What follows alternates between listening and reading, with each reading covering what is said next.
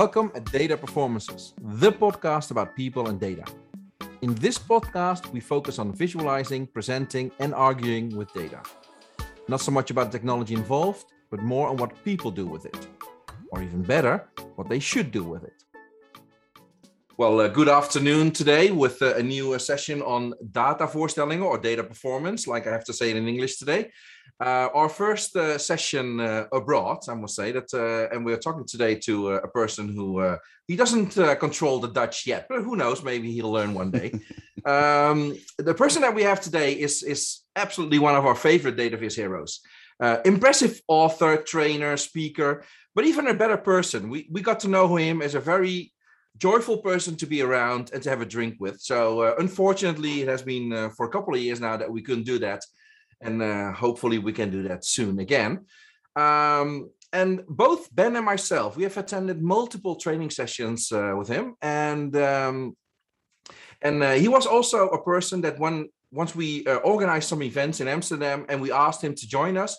He didn't even doubt. Before we knew it, he attended our sessions. It was great. The audience loved it uh, and so when we started doing this uh, this podcast, we said, you know what, we need to invite him. And guess what? The unpleasant surprise came. He said no. And we said, oh, what happened? But he had a good reason. He wanted to get out of uh, business for a couple of months. He wanted to relax and do some other things. Let's find out in this conversation what he actually did. But uh, right after he finished this short break, he uh, said he would uh, join us, and is. And obviously, for everybody a bit uh, in, introduced into the into the fascinating world of DataVis knows who I'm talking about. It's Andy Kirk. So, Andy, welcome, welcome today. Thank you, guys. It's great to see you again. And yes, it's been a, a while now since the last beer, but we'll uh, we'll do that soon. We'll sort that out very soon. Excellent, excellent, Let's excellent, hope. excellent. That's looking forward to it. Yeah. And uh, and and and when we start these conversations, Andy, uh, our our mm-hmm. first question is, uh, and obviously for uh, depending on who's attending, but today our first question will be, who's Andy? Who is Andy? Wow.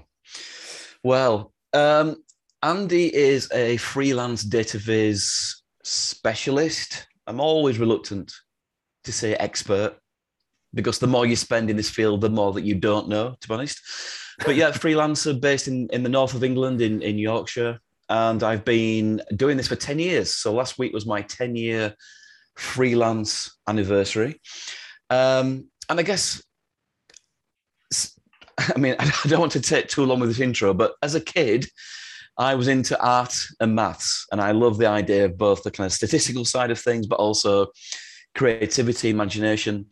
And so I've always been looking to find that avenue to express myself, and data viz was the thing that I found 14 ish years ago. And, you know, I'm so very fortunate to be able to now say that that's my, that's my job, that's my world. So, as you said, uh, I do a lot of different things like book writing, training courses, project work, but um, anything and everything that involves presenting, designing data is what gets me uh, excited on a day to day basis.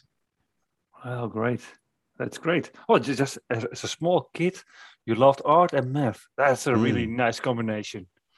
I wanted to be an architect, but an architect. Okay. Yeah. Well, I didn't actually want to be an. I wanted to be somebody who makes those little models, those sort of beautiful little designs of buildings. I didn't want to build anything because that would have been a really terrible, terrible thing for me to do. Um, those buildings would not have stayed up, but I wanted to do the little models and just have that kind of a almost that sort of futuristic vision in my work. But yeah, ultimately, data was the thing that first sort of brought those two planets together for me. Oh, that's nice. Okay, and and and then after that, you was a, a, small kid and want to build small models. You went to the university in uh, in Lancaster. Yeah. And, and what did you do there? So at Lancaster, I studied a subject called operational research, which is sometimes known as the as um, management science or also the science of better. And it's a very broad subject that brings in kind of complex thinking, creative, critical thinking, mathematical models, simulation. It's about trying to optimize things. Mm. In a sense, it's a course that kind of trains you up to be, I guess, a, a consultant, a management consultant in many cases. But I loved, I love the idea of problem solving and trying to make things as optimized, as efficient as possible. So whether it's things like logistical planning, whether it's things like designing how you get the most optimum supermarket layout for the aisles and the different counters. Mhm. It's you know it's trying to make the world's problems just that little bit less of a problem. So I loved it as a subject, and although I didn't move on to that in a career immediately, I do feel that the way I've ultimately come into data viz and tackled making sense of data viz has kind of picked up on those themes about optimization, about complex problems. Okay. And and what kind of things did you pick up for data viz with the West Yorkshire Police? Well, that was my first job, really, where part of my duties was to analyze and present data in charts. Okay. So, in a sense, I, I, that was the, the job that I began in 2001. So, I, I wasn't um, somebody doing kind of intelligence reports, it was kind of just performance reports, number of burglaries, number of kind of crimes, incidents, these kind of things. And and so I was doing Viz without knowing I was doing Viz. I was Yeah. making charts. And I think for a lot of us, we do this before we know that we are doing it. And Yeah. it wasn't until I discovered the subject later on that it was like a, a moment of revelation of, oh, wow, this subject. And then, oh, wow, this subject. What have I been doing this last few years? okay.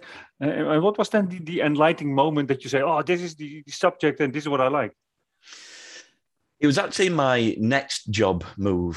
After working at the police, I went to work at the University of Leeds. I was in the medi- uh, medicine faculty. Mhm. And my job again was to do a lot of analysis and presentations. And I remember the day vividly that my manager went to a conference and he came back into the office and he, almost ran down the office towards me saying, Andy, Andy, we need to make some spider charts. And I looked at him with a blank face, going, What the hell are you on about? What, what's a spider chart?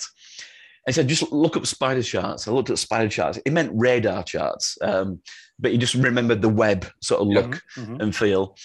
And um, I, I said, You know, why, why do we need to make these? And we had a little conversation about what he was thinking. But when I'd searched on the web for spider charts, and that led me to radar charts, that led me to Stephen Few. And that led me to a Stephen Few um, kind of article about the pros and largely the cons of radar charts.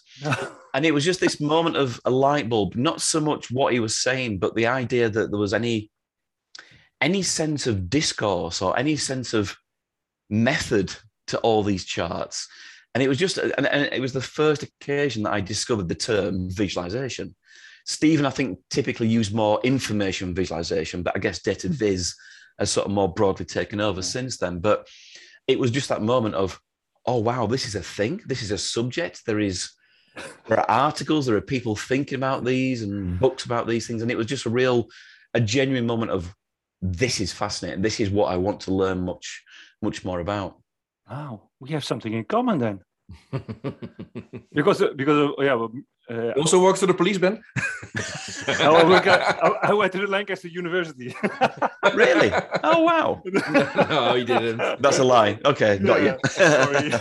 no, but also uh, last week we had a presentation on data literacy, and then I showed him the book of of uh, Stephen Few Mm. that literally changed my life too. Because I said this is the one, the, the kind of well, I call it uh, between quotes the Bible for me because yeah, I was also looking for those kind of things. I said, oh, there is something about it, and somebody thought about it, and and and know how to well address those things that I'm struggling with. So there Mm. was really a book on it. It's really well, like you mentioned, it was really great. Well, nice to have uh, that you see that you have the same uh, experience. That's really great. absolutely. Yeah, that's really Stephen Few. Well, that that was a long time ago. Well, that's I mean, I think there's an interesting thing about Stephen and I guess Edward Tufte. Um, I guess at the moment there is a bit of a conversation about the kind of the relevance of those guys and their kind of work in the current field. And I think what's what's true is that for many of us who are now, you know, five, ten years into this, they were our entry points and they were the most valu- valuable initial authors and their opinions we held on to like a like a uh, our our rule book in a sense. Yeah. Now, Yeah. as time moves on, you hopefully develop a sense of challenging some of those opinions and and finding new variations on on how you might just kind of pursue your own work. But that does not belittle their importance. It does not minimize the value that they gave to so many people entering this field, even if some of their ideas, some of their arguments these days don't necessarily hold up the, the same level. But we know we should be thankful for the, you know, the ancestors of this field, the people from the 90s and the 2000s and the 80s and 70s before that, who were, you know, for many of us were the gateway into this subject. Yeah. Yeah, and I sometimes compare this with uh, with uh, although I'm not uh, uh, I don't play any instrument, and I don't Mm. play any music, etc. But I can understand if you want to learn playing an instrument, you first need to learn the rules before you can start breaking them. Correct. And and and these people, they are uh, well, like uh, um, uh, they are called in the book from Nadia, the the Orthodox. And uh, but I, I think still think that the Orthodox play a role even today because um, if you um, uh, are starting by yeah there are some rules but you don't have to follow them then well, well uh, some people inter- interpret this as okay well then everything is fine Yeah. and and and, and the thing is I I think that the the thorough thought about why you're doing certain things is something you can best learn by yeah following some rules and maybe they're not 100% always true but it Mm. helps it gives you let's say a guide to start Exactly. with yeah exactly. Yeah. Absolutely. but uh, yeah, we had uh, some very interesting conversation also with Nadi about. Uh, we admitted to her we are the most orthodox. Uh, but the thing is that you know the field is such so large these days. that There's Oh. there's room for everyone. Yep. You know, the- oh, absolutely, and- no, absolutely, and- no, and and, we can learn from each other. a exactly. lot. Exactly. We can Yeah. coexist. Yeah, But uh, but so y- y- so around 2007, I believe uh, somewhere Hmm. we read that you discovered uh, what we nowadays call DataVis. Yeah. yeah. Um, but it took you uh, four years before you became a freelancer. You just said uh, it's 10 years ago, so Yeah. 2011 around. Uh, so what did you do then between the time that uh, at the University of Leeds somebody, let's say, introduced you to the field and, and before you decided to become a freelancer? What, what happened there? Well, those, I guess, were the most important years because, first and foremost, when I started my job at the University of Leeds, I had the chance to do a master's degree as a member of staff, Mhm. uh, part time, running alongside my my day job, and it was a course opportunity where essentially you could design your own subject through um, a master's by research and it had to be something linked to the day job. So charts, visualizations were very much uh, uh, relevant to that. Mhm. And, and so I had the chance, because of the timing of discovering the subject just before the proposal was due for the master's project, I kind of ripped up the old one and said, right, I want to spend my two years studying database, studying the um, the form and function was was one of the kind of the key things, the kind of tension between form and function. That was my inquiry, and I did that for two years, part time. I started my master's course on the day of my thirtieth birthday, actually, which kind of feels that that decade has been so kind of crucial to my career, and completely unlocked the passion. It completely um, seduced me into this is the world that I want to move towards. Yeah. Um, and you know, obviously at the time I was doing it parallel to working full time in my day job, which was you know partially DataVis, but many other things besides. And then I graduated in December twenty, uh, sorry, two thousand nine. Um, and at the point you've finished that, you kind of think, well, what do I do now? What do I do with this? How do I continue this momentum, this journey? And I thought, well, at the time, blogging was a thing. Mhm. And I wasn't a website developer. I wasn't somebody who really had ever dabbled in that world, but I thought this has to be the way forward. And obviously, in, in those days, and, and even now, WordPress was a really accessible way to launch your own website. Buy a URL. At the time, vis- visualizingdata.com was available for £10. I'll have that, please.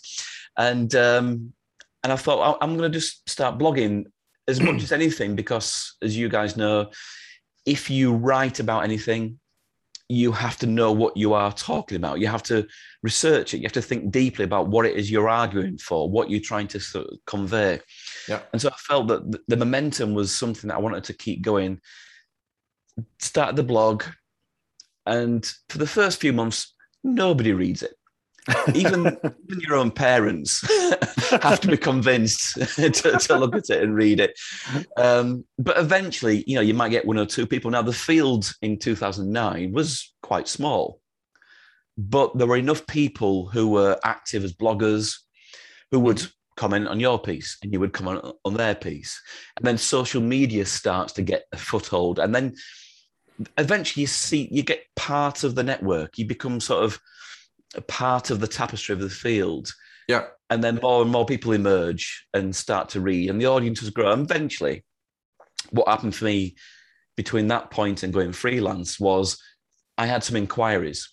Do you offer services in this world? And I didn't.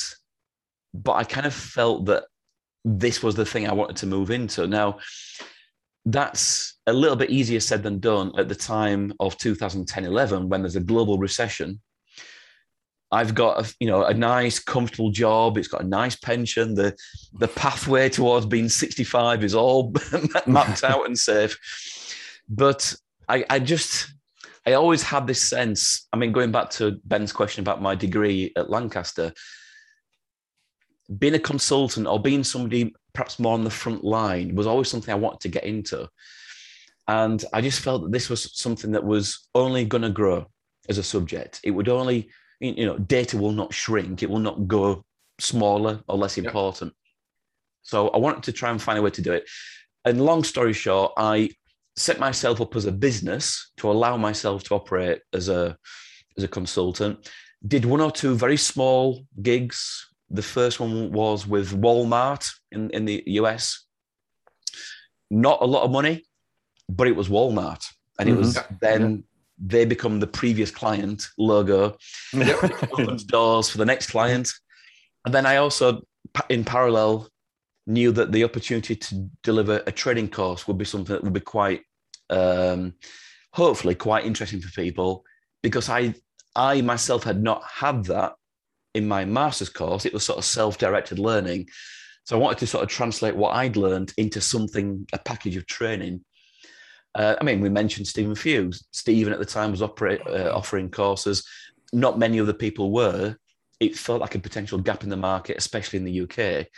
So I just worked really hard. I mean, again, this is in parallel to the day job to develop some training materials, launched an event, booked a venue, and just hoped with all fingers crossed that mm-hmm. people would find the advert, come along to the course.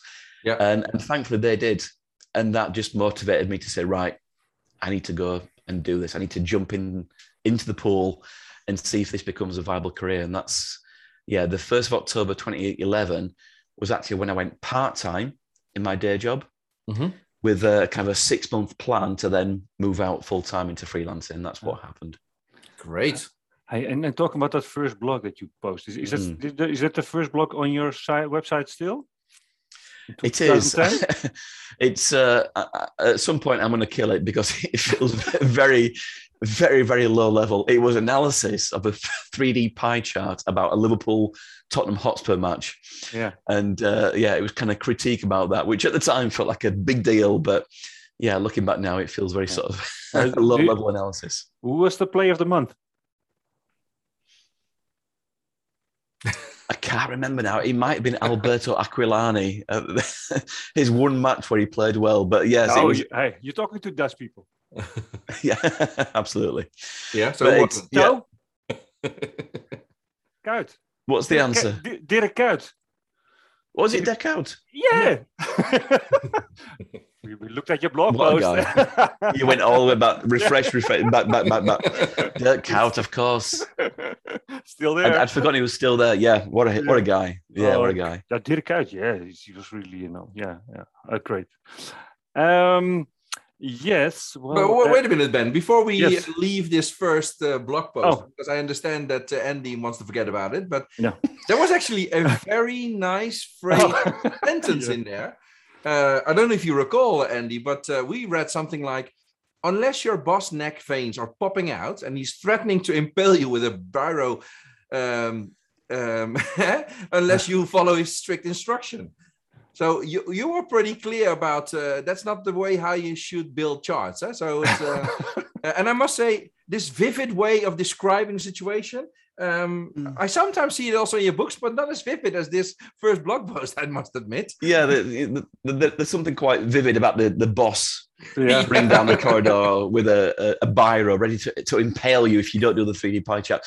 I mean, again, that blog post was at the time when I was working full time and had colleagues and had maybe not my manager, but managers around me who were motivated by asking for those kind of things because they Yeah. felt that what was attractive to the eye Mhm. was the measure of good visualization practice. Now, don't get me wrong, there were many years before that. As I said, my jobs at the time often involved Excel, charts, and graphics. And I too used to put every little feature, Yeah. shadows and 3D, and because I, I thought a large part of this was about the impression that I gave about being able to master a tool. I know all the features, so therefore I'm good at what I do Yeah. and and so that blog post was almost a a, a sort of self admission that that was the world I was trying to leave, Mhm. but also a world that I was trying to change. Yeah, but, but you left that world, Andy, but the world is still there. Huh? Indeed, and actually, thankfully so. Thankfully Yeah. so. So, Ten years ago. so, so maybe this blog post deserves uh, frame it somewhere and uh, and don't forget about it. That's it. Yeah, It's, there's still a lot of work to do there. yeah. Uh, so let's keep the, our pens close by. Eh? Yeah. Uh, and, and talking about uh, you, you uh, did a, um an analysis on the Manchester versus uh, Tottenham game, I think, or Chelsea game. And, and of course, Liverpool is, is your favorite team. Oh, you, the, our, our listeners cannot see, but you got a beautiful uh, uh, shirt behind your back of, of uh, Liverpool. Um, but you're not working for Liverpool. You work for the competition. St- do you still work for the competition? Less so. So up until around two years ago, I was working with Arsenal, and for s- several years I've been doing work with them. It's changed in the last two years because primarily I was doing some work with the guy who was the head of psychology. Mhm. He left Arsenal two years ago, and I'm doing work with him, and he's now a kind of independent operator, and he still works with Premier League footballers. So I do still work with footballers, but just not necessarily Arsenal Football Club. But this was at a time when, um, and you know, this is not a football podcast, so I'll No. I'll drift over this quite quickly. But Arsene Wenger was the manager of Arsenal at the time, and he was a he was called Le Professeur. He was the mm-hmm. kind of the thinking man's manager, and he just identified many years ago the importance of data analysis to supplement the skills and the eye of a coach. And so when he brought in, you know, the team around him, he was very encouraging of them to bring in people like me to help sort of develop a culture, develop a, a practice. And so the fact that I did a lot of work with the head of psychology also speaks to the fact that a lot of the stuff I was doing was not necessarily about pure football stuff.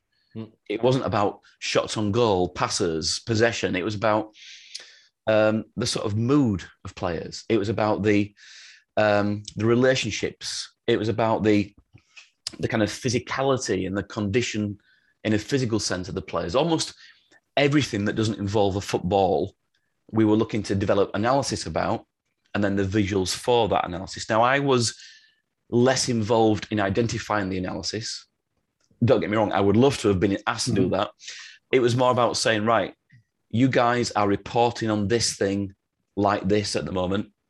Let me suggest an alternative way to show that. Mm. And so it was about advising how to more optimally show things visually and then to kind of hand over to them and their staff and the analysts at the club the sort of routine to kind of keep that going because their world is very much Excel and Tableau. Mhm. But as you might imagine, the relentless frequency of matches in football seasons means that they have a lot on their plate in a given week to analyze what's just happened, to prepare for what's coming next. Mm. And so everything has to be really efficient, really quick, which does have a lot of contextual limitations. But again, optimization, trying to do the best in what's possible. Cool. Nice. Hey, so if I understand correctly, what you just mentioned uh, said about your master, so you have a master degree in data viz.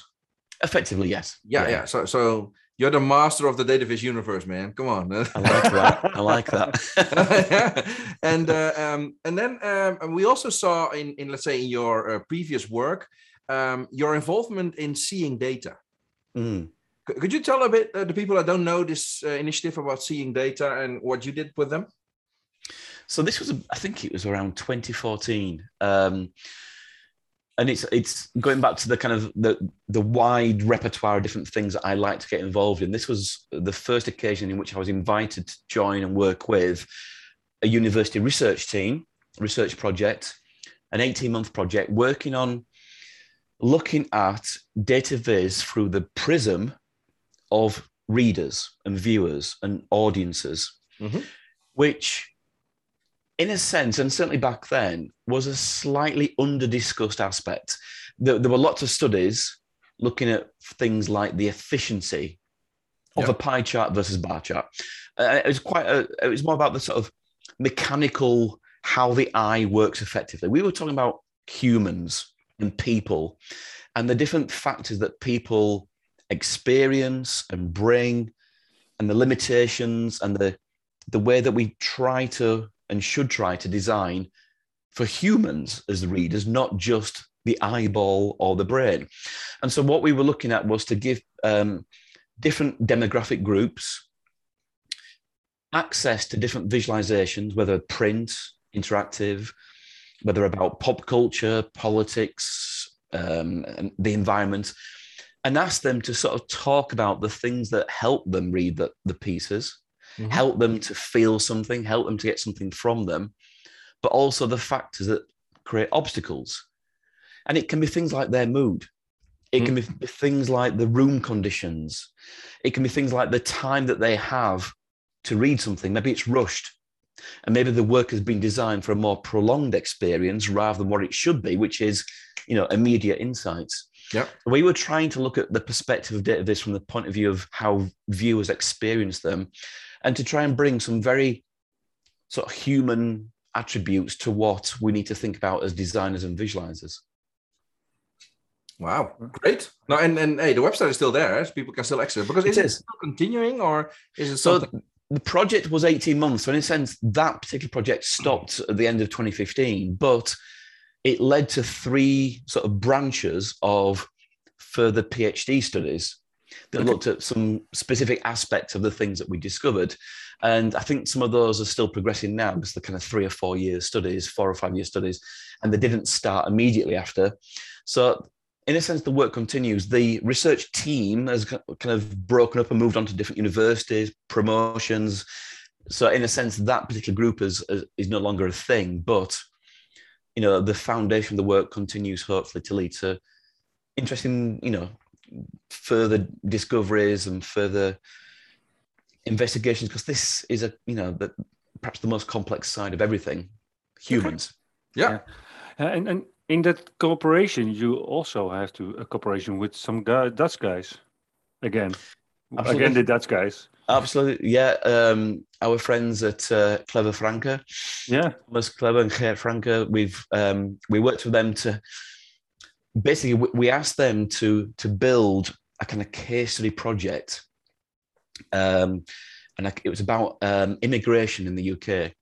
So we gave them some data and asked them to build different visualizations as a testing basis to then expose to different audiences and ask them to to respond to what they were experiencing. So we, you know, we, we took some existing work, but then we used uh, Thomas and uh, and uh, Hertz and the team there to try and develop something new to to give us something to work with. And it, you know, it was terrific working with them guys, and uh, you know we've stayed friends since. And again, we've had several beers with them as well. yeah, because they uh, organized the Circuit and, and you were there well, I don't know what what what were you doing in Utrecht then? I, I I was involved only in the capacity of being in the final event.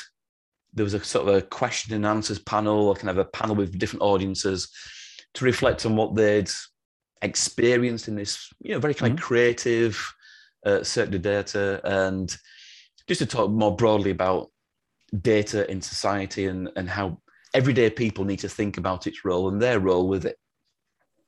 Okay, nice. So, I like uh, the, the small step what happened with uh, the coronavirus, with all the data is coming out afterwards. Absolutely right. That was just before it. Yeah, yeah. Yeah, yeah. Okay. Excellent. Hey, uh, another thing, eh, because uh, um, uh, which is also clear that uh, uh, you have some fascination for Seinfeld, correct? Correct.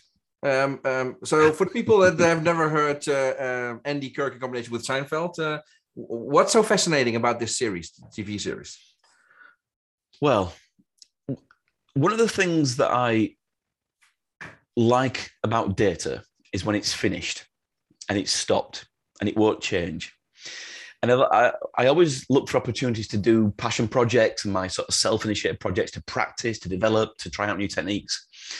And so I'm always looking for, for topics that will be both interesting analysis possibilities, but also stable and finished and in the past so that the data won't change. I don't have to commit mm-hmm. to continuing to do it. For example, a few years ago, I did a project about the Olympics. Well, the Olympics never stops. Okay, it stops for four years, yeah. but I have to keep going back and topping it up with more data. So, no, I want to do something that had finished. And I love Seinfeld as a sitcom. I got into it quite late um, in the last sort of 15 years where when I was a kid and it was on TV, I was a little bit too young. I didn't have control of the remote control. That was my dad's property.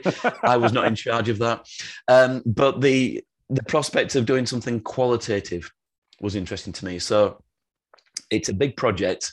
It's a 240 page book of, of visuals in the end. But the idea was I analyzed every episode, 176 episodes, to understand the rhythm and texture of every episode. And what I mean by that is almost going back to the point of view of looking at sport and analytics in sport, I want to look at the sitcom through the lens of uh, analytics. Mm-hmm. How did they use in each episode their resources, which are the cast, the characters, the locations, and laughter?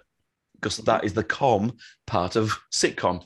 And so I did some analysis to collect all the data by watching all the episodes, which characters were in which scenes for how long, who gets the laugh, what locations were the scenes set in, gathered all that data, and then did some huge analysis about the, the patterns and the the trends and the changes over time in the uh, in the eventual product, which, by the way, was medal winning uh, at Malofiej last year.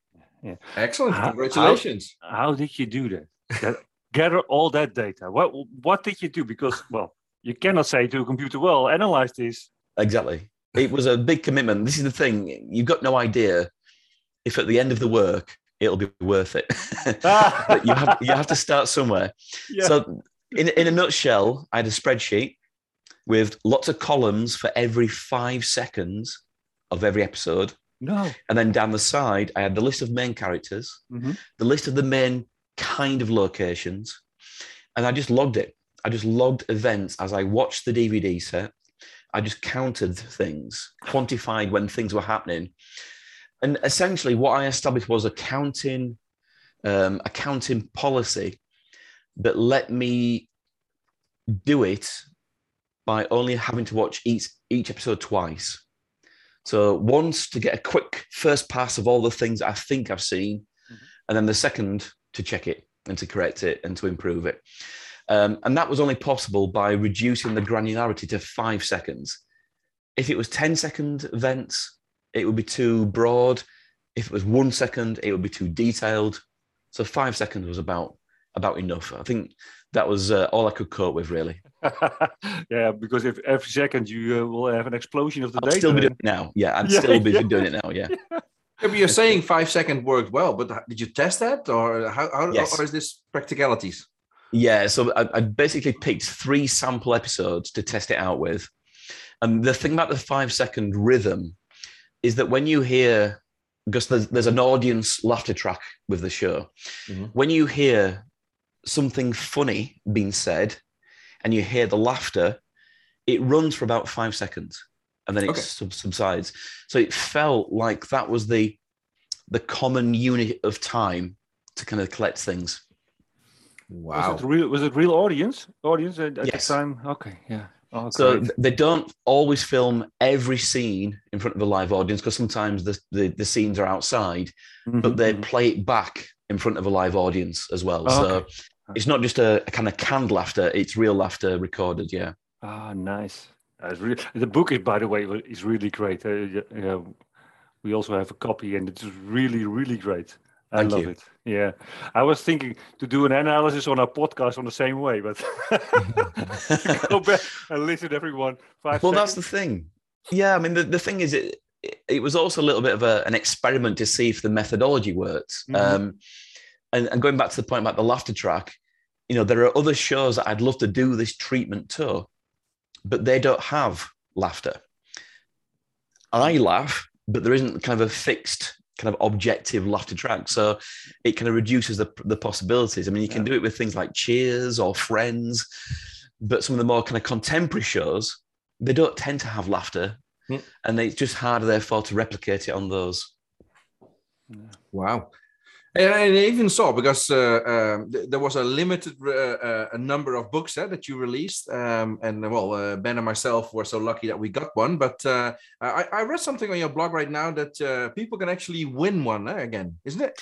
Yes. So for the next few days, what I'm doing because it's the um, the launch of Seinfeld on Netflix this week, Yeah. as well as being my 10 year anniversary, I thought we need to do something. And so Call the- them up. Exactly, yeah. well, well, that's uh, an unfinished possibility. Actually, wow. uh, I am looking to maybe eventually move this into an actual published book, but there's a few questions about licensing and permissions and all that copyright stuff that just scares me to death. But um, at the moment, it's a, in a sense, it's a it's an artwork project, really, um, a f- like fan art.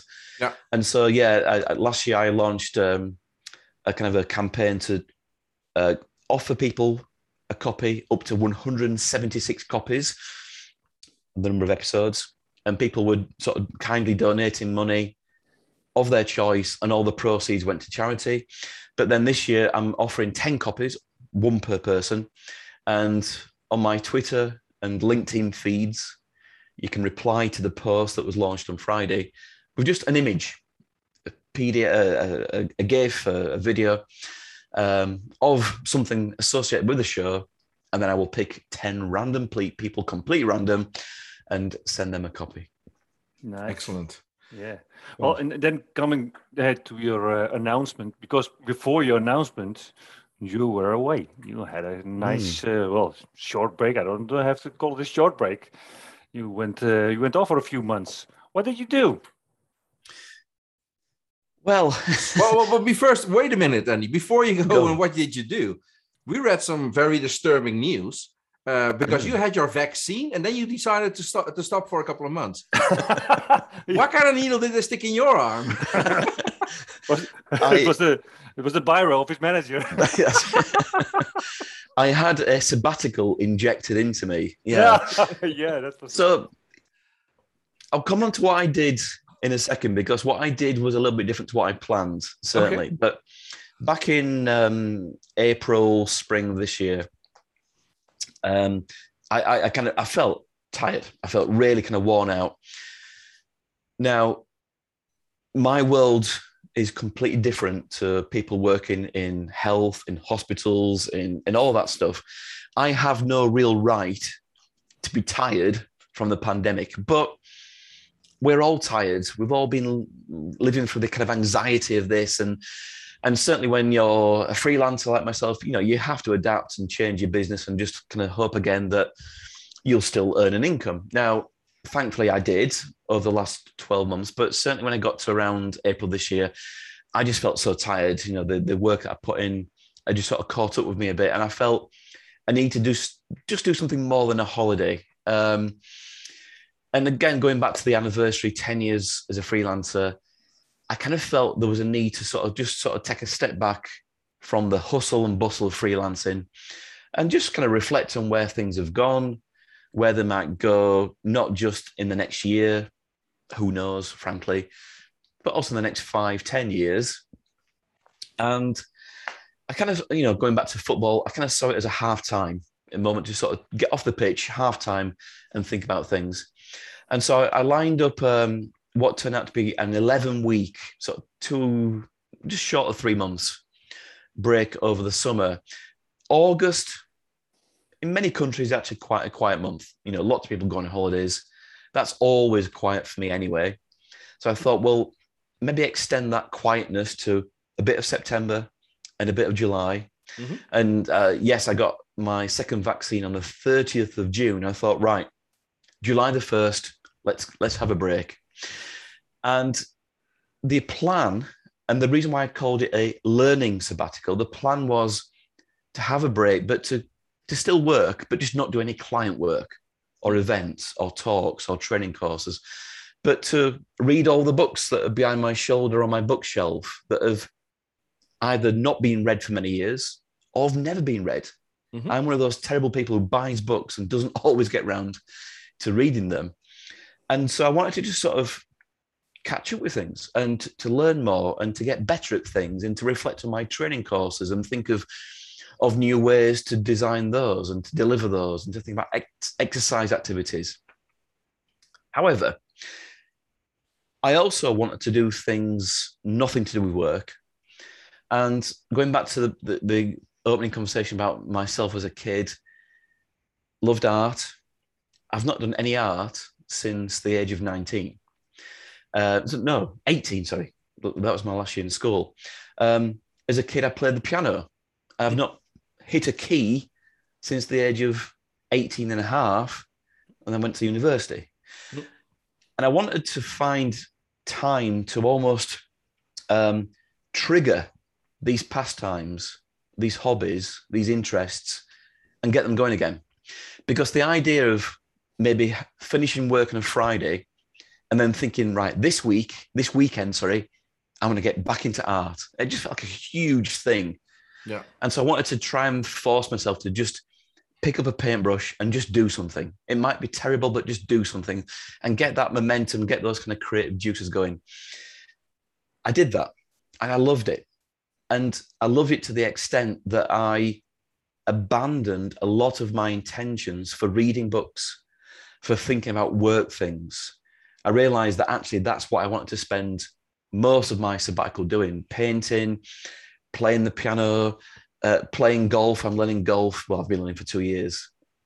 Not quite there yet, but, but the momentum continues. And just do all these things that um, hopefully now that I'm back working properly, I can just go and do, and it doesn't feel like a huge thing. Now, of the three, the piano is the one that's been least possible to get momentum going um, for various reasons, but it's it's back on track in this last few weeks. So, yeah, so I think the, the broader point is that I really felt that as I was going through it, my time was better spent doing some of these hobbies and interests rather than trying to keep the candle going with the work stuff. Now, in the last few weeks before the end of the sabbatical, I had to do work because I couldn't face this sudden cliff of sabbatical back into work and the kind of the cogs. I had to kind of gradually kind of come back up to that. But you know, I'm, I'm two weeks back now working and I've kind of found the groove again, found the momentum again. But I just feel refreshed largely from doing the stuff that I've done. I mean, again, there's only so much you can do when you're still living in a pandemic to to fully relax. But um, yeah, it was a, a successful successful thing. I'm I'm just ever so glad that I did it in the end. Great, nice, excellent. Yeah, and would, would, would should do this. Yeah, I would recommend it. I mean, you don't have to do 11 weeks. I mean, I know that in academia, you tend to have academics, researchers, professors who maybe go for six months. But again, they often do that to go and start some new learning. Um, but I think we all, at different points in our careers, need to just have that moment of pause. Mm. And it's different for different people, depending on the sort of employment that you have. You know, as a freelancer, I am responsible for myself, so I can kind of dictate things, but I guess you still have that risk of if you don't work, you don't earn. So you have to sort of take that into account. But yeah, yeah I think if it's possible for people to to build in whatever they can, um, it's uh, it's recommended because taking 11 weeks off now might extend my career by two years. So you know, it might pay off in the end. Great. So you jumpstart some of your uh, former hobbies, huh? Correct. And now, uh, yeah, yeah. and I continue to work on it. Great. yeah. Excellent. Yes, really. Uh, what are the things? Uh, because uh, uh, this was the break. Um, um, and so I, I was wondering uh, when we were preparing for this uh, for this chat. Um, I know you're very very active on uh, on Twitter. Mm. So I just wondered, well, did he also quit quit Twitter? And well, the answer is no. At least I saw you were still twittering and retweeting and doing things. So Mm. Twitter, uh, let's say, uh, um, did not stop. Um, reason? Did you think about it? Maybe stopping also on the Twitter side, or was that? Yeah, no, I, I did, and I, I, I mean, going back to the discussion about when I got into my career and the, the starting of the blog 10, 13 years ago, whatever it was. I mean, back then, blogging was everything, and then social media takes over, and the whole notion of what is a blog and what is the role of the blog has evolved a lot, and inevitably, as time has moved on, you know, Twitter, especially for data viz, I think you guys would probably agree, and LinkedIn, I guess these days, is very much a, a kind of a common platform for for sharing things, for kind of adding comments to things. The the conversations are taking place on there, whereas ten years ago they were taking place in the comments against blogs. Mhm. So it's much more open now. So yeah, there was a temptation to have this very hard finish in June, uh, th- th- first July, and to don't even look at stuff, don't try and keep on top of stuff, just stop. Um, but I'm I'm still kind of interested in, in what people are publishing and what work is going on. So I think a lot of the tweets over that time actually were more sharing stuff that's been written by others rather than writing stuff myself. But and I, I guess I have to just keep saying hello to people to say I'm still here. And, uh, I'll be back soon. Don't forget me.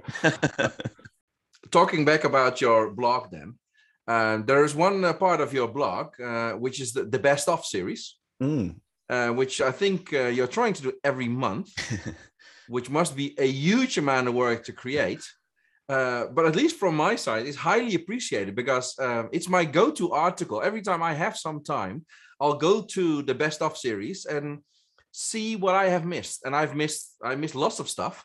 But you actually uh, uh, find all these very interesting to- uh, topics. How about this series? Because you're doing it now for years, I think. Yeah. Uh, I mean, it, it was one of the first things I did on the blog. I've been doing monthly postings for 11 years, I think now. Um, but I think, I mean, the key word there is trying because it's, uh, it, it is hard work actually to kind of, to curate these things because again, um, I think it's fascinating to compare where we are now with 10 years ago to 2011. It was far easier to keep on top of and be aware of all the new work that was being published. Mhm. But in that 10 years, it is uh, practically impossible. And so, what I try and do is surround myself in a Twitter sense with the people who are either the major producers of work Mhm. or the people who I know are aware of their community and the stuff that they're producing, you know, like, like the Tableau people or the um, the people from different countries, maybe who I don't speak the language of, but I know that if they are sharing work from their world, it's it's of good quality. So what I try and do, and this kind of goes back to why I keep on top of Twitter, what I try and do is is just bookmark and collect the things that have struck me as being either very new techniques, very good pieces, very interesting pieces of analysis, and then try and at the end of the month reduce them down to a, a, a core list of maybe about 80, 90 items, whether it's visualizations and infographics, whether it's articles or learning things. Um, but it, it is a hard thing to kind of keep on doing. I mean, I'm because of the sabbatical, I'm very much behind schedule. I need to catch up with May, May and June, let alone September and, and August. But it, you know, thankfully, it's something like you've kindly expressed. It's a, a blog series that um, is often well received and sort of well visited and viewed. So, although I do each month face the pain, when I do publish it, I get the benefit of people saying, you know, thank you for for curating that, and you know, for as long as I'll have a blog, I'll I'll kind of keep that going once I've caught up in the next uh, in the next few weeks. Wow. Great. It's a lot, a lot of work to uh, to, to put that all together. Well, the thing is, you could automate a lot of this. You know, you could. There are different tools that allow you to sort of bookmark things and then turn those bookmarks into published lists. But Mhm. I want to try and maintain that curation of me selecting things. And Mhm. although I don't often off- offer much comment about why I've picked a piece because I just don't have the time to do that for every piece. You know, I, I want it to be to be seen as kind of a a, a manual creation, something that's kind of handpicked rather than just just drop all these bookmarks into a into a tool and, and publish that. I want it to, to feel like my list rather than just Yeah, yeah. what's been out there. So that it does add more time, but I think it therefore benefits in terms of the the quality of the stuff there. But I mean, the, the biggest thing for me, the pressure that I feel is knowing that I'm missing stuff, knowing that there'll be loads of loads of things mm-hmm. worthy of inclusion that I'm just not seeing. So I do try and keep revising the kind of the people I'm following or the people I'm kind of keeping an eye on so that it can be as representative as possible. But I know it will always be, especially with language perspective, it will always be a very English language biased list. But um, hopefully it's it's good enough for what I can offer at least. Yeah, and, you find enough material for a new book. well, uh, I, am not sure about a new book. I mean, I've I've done I've I've done enough books now to know the the pain that goes into it, and primarily the pain is two things. It's editing. So you might do version one quite quickly. You know, you've got everything out of your head, but then you have to carve out of that a good quality book that's uh, efficient language, that's clear, legible, important, relevant. But then the biggest thing for me is permissions, because different organizations have very different ways of approving for you, their work to be included in your book. And uh, as you guys know, a lot of work that's at least publicly available is from the media, um, newspapers and newsrooms. And their licensing agreements are always very difficult to, to kind of get approval for, or they cost you a lot of money. And you don't do a book to make money. And so you don't always have the budget to be able to say, okay, New York Times, I will pay you a thousand pounds for permission to use those pieces in the book. It, it's not that easy. So it therefore becomes a, a, a difficult chicken and egg task of do I want to write about a piece knowing that I may not end up getting permission about the piece, Mm. but I need to write about something because I've got to get the, the content going. So at the moment, I don't look forward to any initial, immediate book writing prospects, although Ah, I know that my publisher will probably be looking at me to write a, a third edition in due course of, of my main, main book. But that, that uh, talking about you do a lot of those kind of work. But if you look at your book, you get a whole lot of things you talk about. If you want to research all those owners and and ask permission, man, this is also really an enormous, tremendous job. Well, this is why it's important to have beers with people because if you have a beer with somebody, you can then say, "Look, why don't would you mind just sign this uh, piece of paper and give me permission to include that graphic?" So yeah, that's where the network comes in. Absolutely. Oh yeah, And now I understand why we need to sign all these papers. yeah. That's right. It wasn't just for your autograph. oh, gee. Yeah, but, but uh, one thing about uh, your books, eh? so um, um, and, and and maybe Ben can also uh, uh, uh, cater for that, but you have this this charts model that you have built in Mm. there. eh? So where you let's say try to help people to select the right chart, eh, basically. Yeah. And there are many of those models around there, but okay, you, you have your chart uh, version. Obviously, the name is excellent. Eh? Uh, well, it's charts without the A, but Yeah, uh, really. um, uh, didn't you wonder why didn't nobody else uh, think about this? But okay, it's a it's a, it's a great name for it. Um, uh, do you have any plans to do more with that? Because well, actually, uh, I, well, I'll, I'll speak for myself. I like it a lot, but it feels like it's only there in the book, and then it's there's nothing more to it than, than say. But uh, Yeah. I mean, it's it's something that's obviously part of the training course material. So I do talk about it a lot in there. I mean, as you said, there are several chart choosing models out there, whether it's the visual continuum, uh, whether it's things like um, the uh, Financial Times visual vocabularies. There, there are many out there, and, and I guess that often, if you kind of bring them all together, they're always kind of in or around the same kind of idea. But Mhm. I just found the the grouping and the taxonomy that I ended up with spoke to me and the, the language that I use and the way that I think about charts.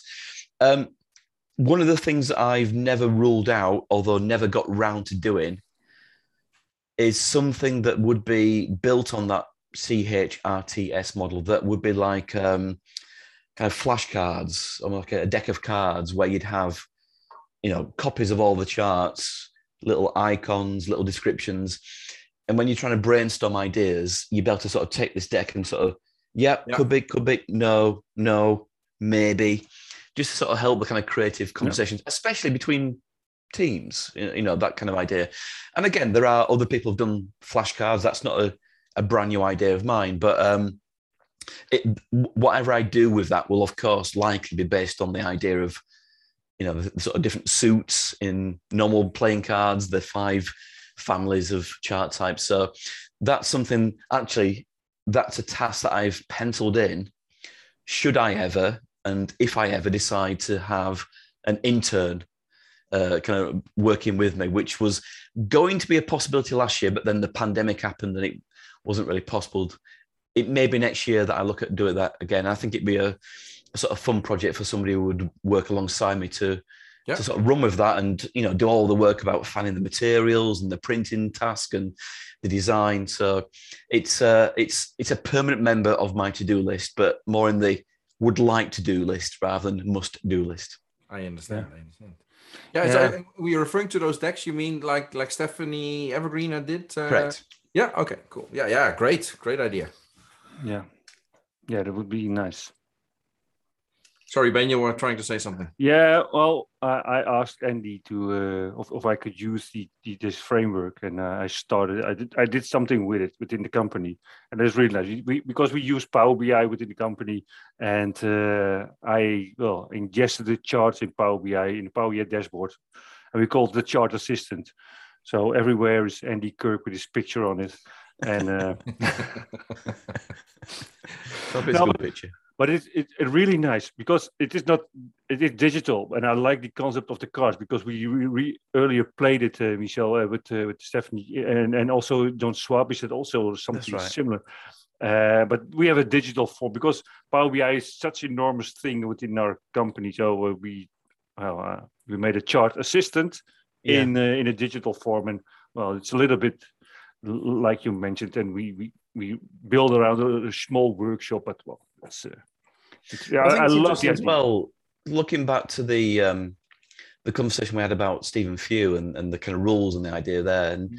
you know, th- there are some voices in the field that say that maybe thinking just in terms of charts is quite restrictive in the creativity that you could use to portray it. And I I get that, I understand that, but again, for lots of people who are ultimately using, as you said, the sort of chart assistant, they don't really have the scope or the desire or the need to reinvent the wheel to kind of come up with brand new ideas.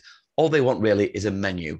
Yep. And a guided menu that says, right, if you're Yep. trying to show this, Yep. here's a bunch of charts that will do that. And it's up to you to maybe pick the one. And if you want to pick that one, here's a template you can use to, to build it quickly. Um, so I, I still think that it's really important to have, you know, both your mind on charts as recipes, but also the ingredients, you know, the visual encoding, the marks, the attributes to to create things from the ground up. But you know, we don't all need to be advanced chefs. Some of some of us just want fast food and just you know give us the give us the kind of options that exist, and then we'll pick from there. Uh, No, because and- and- because the thing there is, as you, as you just said, uh, Andy, um, we sometimes try to talk to people about. Uh, well, well, I use the model of uh, Tamara Munzner, Yes, um, where she where she said actually said, okay, you have objects, and you Yeah. can actually connect uh, data to the properties of those objects, whether it's the size, position, color, etc., etc. And I see that some people get it and they find it uh, uh, liberating, But Mm. most people are like, oh yeah, and when am I going to select the right chart? yes, exactly. Uh, it's, so it, it let's say it's it's it's more abstraction, and and, and It some is. people are simply they want the answer. They don't want to go through this whole process, and they don't Yeah. want to think about all these abstract choices that you need to make. They simply say where where do you and and and the thing is there are well um I don't know. eh, You already mentioned you work with some people in in Tableau environments. And Mm. Tableau is more or less, let's say, a tool that's built around that idea eh, that you have like a white Yes. canvas, you put objects on it, and you change the properties by data. But I see a lot of people who use Tableau that always go to the top right corner. Show me. Yes, show me, and then eh, and then Yeah. they get the right visual that they want because they simply are not able to do it. I think lots of people who use Tableau, and it's not because of Tableau. It's also um, um, uh, Microsoft has Charticulator, which is Yes. similar uh, uh, uh, and, and again i see a lot of people struggling with it because they are well they all grew up basically in some kind of excel environment where you simply select a chart Yeah. I have this data i know which chart i need and then i want to have Yeah. this zillion properties that i'm going to change Yeah. where this is Oh. completely different that now you suddenly need to think about it in a different way and, and i think a lot of people find that hard I I think I think they do, and I think you know we need both. We need both routes, Yep. and although you would prefer, in a sense, if you were designing designing the ideal tool, you would do so free of the burden of Excel dominating the last twenty years and the way that use Excel.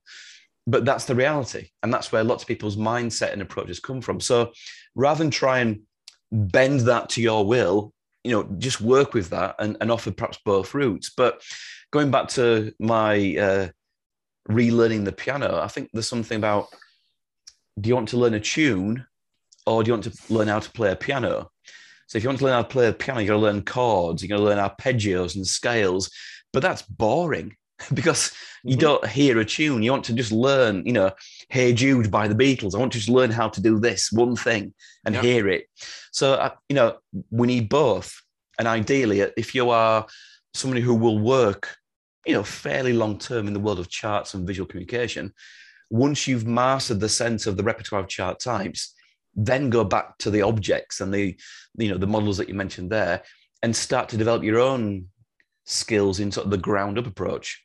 Yep. neither one thing is wrong or right. It's kind of working both in in Yeah. harmony. Great analogy. So uh, Wow. what do you want to play? Uh, hey june or do you want to play the piano? There you go. So, excellent. Hey, one other thing, eh, and and so um, um, we were uh, already fascinated by the fact that you decide, okay, let's let's take what was it, eleven week Yes. uh, stop, and and then uh, we looked through your Twitter because hey, that that didn't stop, so we could. s- And I saw that you did a training the other day, which was not called data visualization; it was called data analysis and visualization. Hmm. So suddenly analysis was there. Um, are you trying out a new training that we don't know of yet, or? Uh... No, it's that's a little bit of a cheat code. So that was the name that my client had internally advertised the course that I was offering. And so I had I had to at least skin the course with that in mind. I mean, what it it was interesting because what it did, it asked it asked me to ask my own questions of do I actually kind of cover the topic of analysis? And I suppose in some aspects I, I do, but I just don't kind of advertise it on that basis. Because, of course, to arrive at a visualization, you need to have gone through the process of acquainting with your data, examining, getting to grips with it, understanding its limitations, and then making decisions about actually what's relevant to show the audience. So you have to be an analyst on the journey to making a visualization. And so in the end, for the client in, in question, I felt it was fine to just change the, the title of the course, but kind of leave the course as it was. Mhm. And, and actually, there's a separate point there because um, today I was reading an article by um, uh, Kat, Kat Greenbrook, who's based in New Zealand, and she was announcing her five year anniversary as a freelancer. And she, she talked in an article on LinkedIn about her reflections on those five years and how a, an important part of her journey as a freelancer was to acknowledge what she was not doing, what she was not offering as a service, what she was not trying to pretend to be doing, Mhm. even though she would have felt competent to do so. She had to have this focus. And she mentioned how her desire was not to pretend to offer, uh, you know, if I, if I remember correctly from the article, not pretend to offer data analysis courses, because that's a very different skill set than just analyzing data and then visualizing it because the emphasis is on the communication side yeah and that's certainly the the the kind of emphasis on mine so but i guess to your broader question about evolving I, at the moment i'm i'm tempted to try different branches of courses different formats. I mean i think one of the one of the only good things about the pandemic has obviously been the increased possibilities of virtual stuff and online stuff and you know going back i guess when we get back to normality maybe sort of a hybrid of, of that. And although initially when i moved my courses from in person to online it was a bit of a quick just move it online since then it's hopefully evolved to actually be fit for purpose you know truly designed for online experiences and there are different opportunities there are new opportunities that come with that and maybe even better ones in some cases than being together in a classroom. So mm-hmm. I think it's uh, important to be open minded about how you might evolve your offerings as as as the kind of world moves over on this next 12 year uh, 12 months. Yeah. Is, is there something that you would like to do that you have on your bucket list for for providing in a training or something like that? I'm not sure about the training side, although there's I have a Word document that's about 60 pages of ideas and, and thoughts about things to include. And I mean, I, the, on one on one hand, I've got lots of different exercises that I'd like to try out, but I don't know. It always feels a risk, and if you don't launch it correctly with the right group who are kind of amenable to a, a new exercise, it can it can fall flat. Um, but I also have different ideas about doing like longer term training courses, like a ten week, I don't know, weekly course where it's maybe sort of three hour course in an evening for people and then they go and do something the next week uh, and then come back. And that could work remotely. It could also work as something in person like a residency model so i've got lots of different ideas i'd love, love to do longer courses because i do think as you guys know there's there is so much potential depth in this topic mm-hmm. you don't want to overload people you know there's only so much bandwidth that we have up here in our brains but you know you could you could easily do a 10 day course, like a two week course, mm-hmm. Monday Friday, Monday Friday, different activities, different lectures, maybe guest lectures. There's, there's lots of things I'd like to do, but I think first of all, I need the world to return to normality and then we'll, then we'll see what, what's going on. Yeah. Nice. Well, excellent. Yeah. Oh yeah. I, I, uh, go a little bit off topic again we thought we uh, it's coming along a few times uh, your your connection with the Netherlands. What is your relation with the Netherlands? What, what do you think of our data fiscal community in the Netherlands? Oh, there's a lot of questions, Ben. Do I'm gonna, I'm gonna all questions in, in, in, answer. So, I mean, I love the Netherlands. I mean, of course, there's a, a Virgil van Dijk, uh, Gini Wijnaldum thing from football view, and Dirk Kuyt as well from the years yeah. gone by. Um, obviously as well. You know, we are relative neighbours geographically in terms of flying from where I live to the to, to Amsterdam at least. So it's always a, a nice place for me to have to get to physically. But yeah, I mean, down the years, you know, made lots of connections with you guys and, you know, clever Franke guys and uh, Willem Tulp and Nadieh and all these cool people. And the fact is that you've got such a vibrant community out there. And it, there's a lot of individuals. There's lots of freelancers like myself. There's lots of studios. There's lots of people, you know, in a sense, trying to serve the same market that I am. But there's lots of room for us all. That's the thing. You know, I don't think anyone sees themselves as competitors. It's very collegiate, very community, strong community. Um, and obviously, a lot of my trips have been over to either to Amsterdam or to Utrecht. And again, it's such a vibrant town, uh, city, Utrecht. And uh, yeah, I've had the chance to do lots of events with uh, Hof van Winkel, um, Graphic Hunters, and so I, I, you know, I love the chance to to get over there and visit the place and see people, and uh, hopefully, if it's not before the end of this year, it'll be the start of next year when I when I get back over. But it's a it's a very very strong marketplace for uh, for talent over there. Nice. Excellent. Well, I- Wow. you mentioned Goof, eh? so for anyone who didn't notice yet, but uh, his uh, his show uh, conference is coming up again. Eh? So uh, and uh, and and and there is room for people attending physically. Yes. Uh, and Ben and myself will be there for sure. So uh, Yes. I'm not going to miss that opportunity. Remember the No. do you remember the dates, guys, of, of the show? Uh, 11th of November.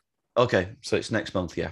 Yeah, called Encore, and well, it's- it's a little bit online and a little bit offline. So the, I think the second Yeah. day is uh, is online. And if for no other reason, they also have jazz musicians in Yeah. the break. So Yeah. just come along for the music. if you don't want to come along for the vid, come along Yeah. for the music. yeah, yeah, the, the three guys playing somewhere. Yeah, it's really nice. So the physical day there is the 10th of November, correct? Yeah. Yeah, I think of the 11th on Wednesday. I Yeah. think. Wednesday, 10th of November is. Uh, Super. so, okay, excellent. Hey, I- I'd like to thank you, uh, Andy, for this uh, great conversation. Uh, we- My we pleasure. Thank you, guys. Yeah. and uh, and uh, and maybe important because you already said uh, in the beginning you found it a bit difficult to describe uh, who you were, eh? who's Andy, and uh, you, you didn't want to call yourself an expert, so you called yourself a specialist.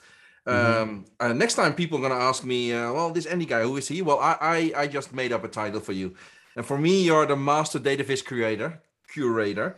Um, for all the work that you're doing, so uh, hopefully uh, you can keep up the great work, and uh, we can Thank you. enjoy all the work you do there and looking forward to the two week training that uh, Ben and I are going to attend because uh, Yeah, we'll be there. for sure, for sure, we'll be there. We'll, We come we'll- to we, we come to England and we'll yes, we'll come to together. come to Yorkshire. Yeah, we'll come Yeah. to Leeds, and we'll, we'll we'll have a good time as well as the database side of things. Yeah, Excellent. Yeah, yeah, that- that- that's a sidestep. absolutely. yeah, okay. And then, uh, hey, hopefully we can meet uh, each other again soon. And, uh, and uh, Absolutely. hey, enjoy and uh, great to have you back. Yes. Thank you, guys. Thank you. Good to speak to you Thank you, Andy. Bye bye. Bye. Take care.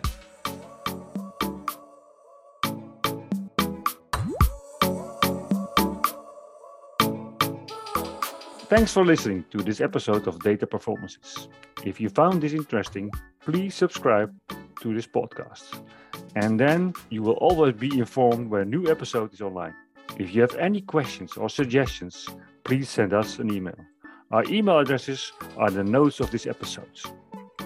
Thanks again for listening, and we hope you enjoyed it as much as we did. Bye bye.